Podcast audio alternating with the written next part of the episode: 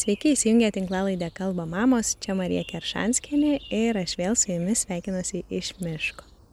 Šį kartą kviečiu paklausyti pokalbio su keturių vaikų mama, kinų kalbos ir kultūros specialiste Jeva Driukienė. Tai tikrai dar ne viskas, ką galėčiau ir norėsiu pasakyti apie šią moterį, bet trumpai apie tai, kaip aš ją radau ir kodėl nusprendžiau pakalbinti. Man visada labai smalsu sužinoti, kokie žmonės slepiasi už įvairių iniciatyvų ir idėjų googlinu numerius, kurie man skambina, googlinu ir apie žmonės, kai norisi ką nors daugiau apie juos sužinoti. Tai štai tokios malsumo vedina vieną dieną nuklydau į tinklaraštį Dirbu mama, komentaruose pamačius pačios Jėvos rekomenduotus jos kelis įrašus apie pykčio protrukius, kurie pastaruoju metu yra mūsų šeimoje aktuali tema.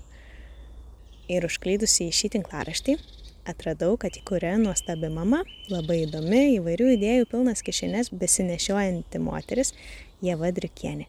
Ir nusprendžiau ją pakalbinti. Taigi, Jeva yra keturių vaikų mama, kinų kalbos ir kultūros specialistė, minėto tinklaraščio autorė, kuris gyvuoja jau apie dešimt metų, Lalečia lygos žindimo vadovė, o nuo praėjusio rudens dar ir su vyriausiu sunumi įžengusi į mokymas namuose lauką. Tai apie visą tai ir pasišnekučiavome.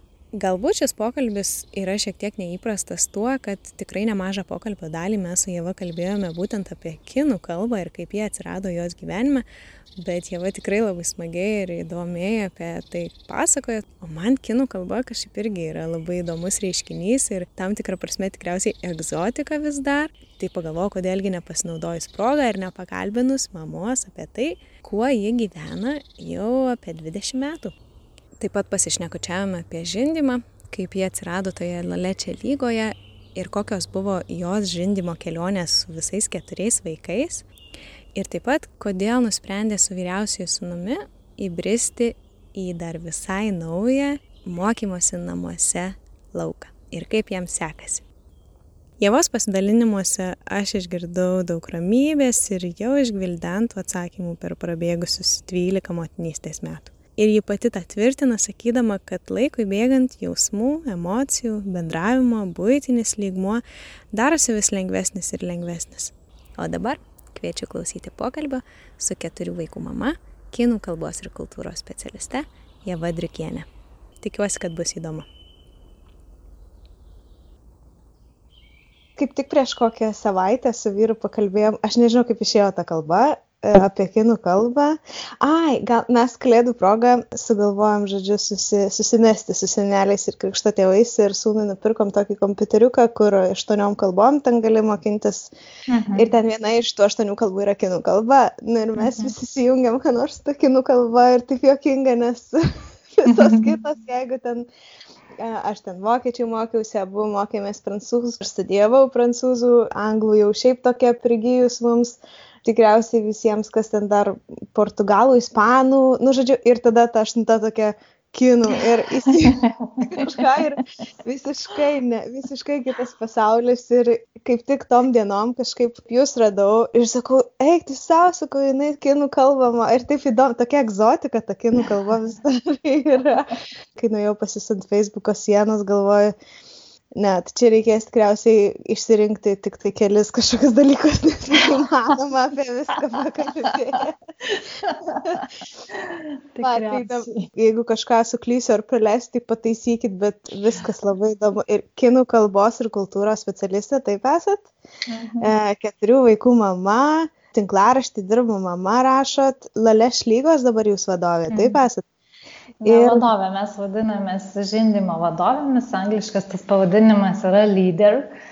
Nu, tai kaip, ta prasme, toksai vedlys, bet lietuviškai neina, žinai, tokio išversti, tai mes vadiname Aha. žindimo vadovėmis ir kartais tas ta vadovė atrodo, kad čia organizacijai vadovauja, mhm. ne čia tiesiog tokia eilinė, eilinis žmogus, kuris turi žinių ir gali padėti kitiems susigaudyti tame kelyje. Supratau, tai dar bus įdomu apie šitą pakalbėti. Ir dar paskutinis, išsikalbėjom kažkaip visai atsimenu, ar ne, be bendraudamas, kad jūs pradėjot mokymą namuose kaip tik visai mhm. neseniai. Tai visi šitie dalykai, man atrodo, tikrai užima daug jūsų nebent dar, aišku, tikriausiai kažkokių hobių turit ir, ir dar kažkokių tai paslėptų, slėptų dalykų. Bet man dabar pirmiausia, tai labai įdomu, galvoju, užčiuopti tą kinų kalbą. Kaip ir kodėl atsirado jūsų gyvenime ta kinų kalba? Labai daug kas mano gyvenime atsirado tiesiog taip susikloščius įvykiams, be didelių planų ir įsivaizdavimų, tai taip pat tiko ir su kinų kalba, nes kai reikėjo kažkur tai stoti sugalvoti po 12 klasės, tai aš nieko nebuvau sugalvojus, o ten panašiai, ką visi norėjo, ten kokia žurnalistika, ten kas ten dar psichologija buvo ant bangos. Mhm. Tai va, ir paskui buvo viena tokia nauja specialybė, vat, tos Azijos kultūros. Ir pagalvoju, kodėlgi ne, galim pabandyti. ir, ir va, ir taip nuvedė kelias. Irgi, ta prasme, kodėl būtent kinų specializacija, vėlgi visiškai atsitiktinumas, nes um, mus prieėmė vis bendrai grupelę žmonių, kurie paskui turėjo išsiskirsti specializacijom. Ir ta specializacija, ten arabų, kinų, indų ir, ir japonų reikėjo nuspręsti susirinkus rugsėjo pirmą dieną. Mums dėstai prisistatė ir sako, va, lapeliai, užrašykit, kur jūs norit, irgi ten prioritetais į tą, į tą, į tą. Nu ir ką žinau, aš nieko apie tas šalis, sakykime, nu, apskritai nežinau, tiek pat kiek vėlinis dvyliktokas, niekada ten per daug giliai nesidomėjau ir nieko. Tai tiesiog surašiau irgi, kas ant seilės pakliuvo ir vat, patekau į kinų ir, ir štai dabar iš to valgau duoną ir jaučiuosi savo rogėse. Tai kiek dabar metų daug jau visai, ar ne? Nemažai, ne? Tai čia, jeigu taip labai skaičiuojant grubiai, tai aš įstojau 2000-aisiais. tai mhm. štai, tai žodžiu, kai manęs klausia, tai per kiek laiko, arba kiek laiko tu mokaisi kinų kalbą, tai sakau, va, 20 metų. tai toliau jau nebeklausia, ar čia sudėtinga ta kalba. Na, nes kalba vis tiek yra vienas iš tų dalykų, kur neišmoks iki galo, ne? tai net ir savo lietuvių, tai kablelį kokį, nežinom, ar dėt ar nedėt, tai nosinę, tai dar ką nors. Tai su užsienio kalbom lygiai taip pat, tai yra kažkokie lygmenys, kuriuos tu pasieki, bet visada yra dar kur stieptis ir dar kur siekti, tai kažkokią kitą sritį, turiu menį kontekstą kažkokį kitą, ar ne, tai ar finansai, ar ten nežinau, gamyba kažkokia ar dar kažkas. Mhm. Tai vėl skirtingi žodynai ir skirtingi dalykai. Tai čia, nu, turbūt neišmokstama per gyvenimą viskas. Mhm. Tai, aš žinau, kad jums teko pagyventi, ar ne, Kinijoje, pasimokyti? Taip, mes, mhm, mes kaip ir, um, kaip čia pasakyti, vos neprivaloma tvarka, bet mhm. taip nu, būtų kvaila neišvažiuoti per studijų metus. Mhm nes yra, jau tada buvo daug galimybių, o dabar yra dar daugiau galimybių, tai jau jeigu tu sėki studijuoji, tai išvažiuoji pusmečio arba metams tenai studijuoti, arba į žemyninę Kiniją, taip vadinamą, arba į Taivaną. Tai, va, tai aš buvau ir ten, ir ten, tai va, nepraleidau apskritus metus. Mhm. Ten buvo mokslo metai be jokių atostogų, tiesiog trimestras, dar trimestras, dar trimestras. Tai taip suskaičiavus ir gavusi visus 365 dienas. Aha. Ir um, dar prieš tai buvau keletą savaičių Pekine, o po to dar buvau, um, sakykime, pusmetį, bet realiai tai buvo keturi mėnesiai, vienas semestras, dabar visiems žinomam Uhane. Mhm. Mhm. O kas, kas labiausiai įstrigo? Aš, aš taip įsivaizduoju, čia gana senokai, ar ne, buvo tos kelionės, bet... Tikrai taip. Kok, su, kok, kokie įspūdžiai, nes aš irgi atsimenu savo Erasmusą Prancūzijoje ir, nu, nežinau, taip vis tiek labai smagu yra patirti kur ta kalba, kokioj aplinkoje ir kokioj to šaly, kokie žmonės iš tikrųjų, ne, ne tik iš knygų, ne iš kažkokio tai filmų ar ne įvaizdį susidaryti, bet, bet pačioj toj šaly. Kas, kas labiausiai užstrigo, įsiminė? Tai būtent tas ir fainiausia, kad nuvažiuoji ir tai, ką jau žinai teoriškai, pamatai praktiškai. Tai aišku, yra kažkoks vis tiek šioks toks kultūrinis šokas. Man ir mhm. likščiol atrodo ta Kinija kažkur truputį gal kitoj planetoj. gal dėl to, kad ir laiko skirtumas didelis ir raštas visai kitoks ir kalba į nieką nepanaši, ne, tai ką mes čia mhm. turim savo, savo srityje. Tai man jie visada tokie truputį fanautai. Bet va, tas ir smagiausia, kad tu pamatai, kaip va, tas iš tikro atrodo, ar ne? Ir, ir pamatai, aišku, ir daugiau dalykų, kurių dar nesi perskaitęs, ten, sakykime, kažkokius tai papročius, kažkokius ten, kaip ten kokią šventę švenčia, kaip ten kažką daro. Nu, tokius būtinius, sakykime, dalykus, kasdieninius, apie kuriuos, nu, kaip ir neskaitai, nes ką skaitai, ką mokėsi, tai buvo tokie labai teoriniai, ten istorija, filosofija, ten tralelė. Mhm. Tai va, tą tokį pamatyti, tokį tikrą tą gyvenimą, jau turint kažkokius pagrindus.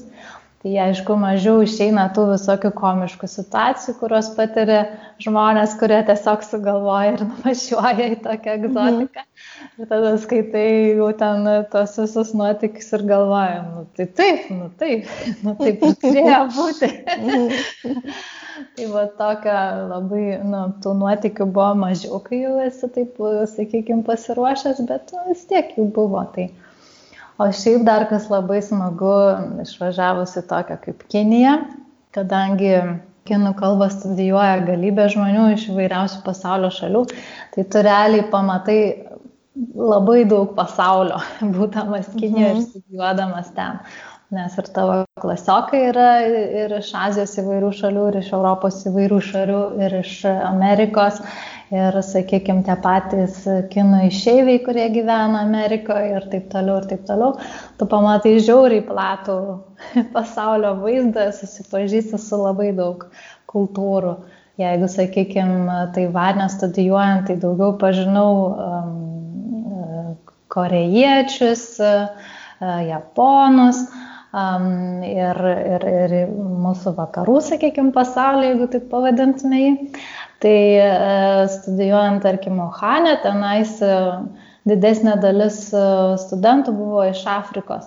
Tai dar teko susipažinti su visokio, visokiom Afrikos realijom ir, sakykime, kad jie šneka prancūziškai ir kad jie yra musulmonai, man buvo visiška naujiena ir buvo visiškai nauji dalykai, kuriuos pažinau dėl, tiesiog dėl to, kad studijavau kinų kalbą. Mhm. O pati kinų kalba, kai žmonės paklausia tų tikriausiai tokių dažniausių klausimų, ar jinai sudėtinga, arba gal kiti jau iš vis net neklausia, nes iš tikrųjų jinai atrodo, jinai atrodo labai sudėtinga ir mums labai neįprasta, ar ne, nes kalba, kuri, nu taip jau labai grubiai paprastai tariant, kuri rašosi piešinėliais, ar ne, kur mhm. mes įpratę uh, visas tas kalbas, su kuriuom susiduria mokyklose tikriausiai, ar ne, arba aplink mus, tai raidės, ar ne, gali būti lotyniška, arba, arba nu, kirilica, ar ne, kažkam, kas dar tų kalbų mokosi.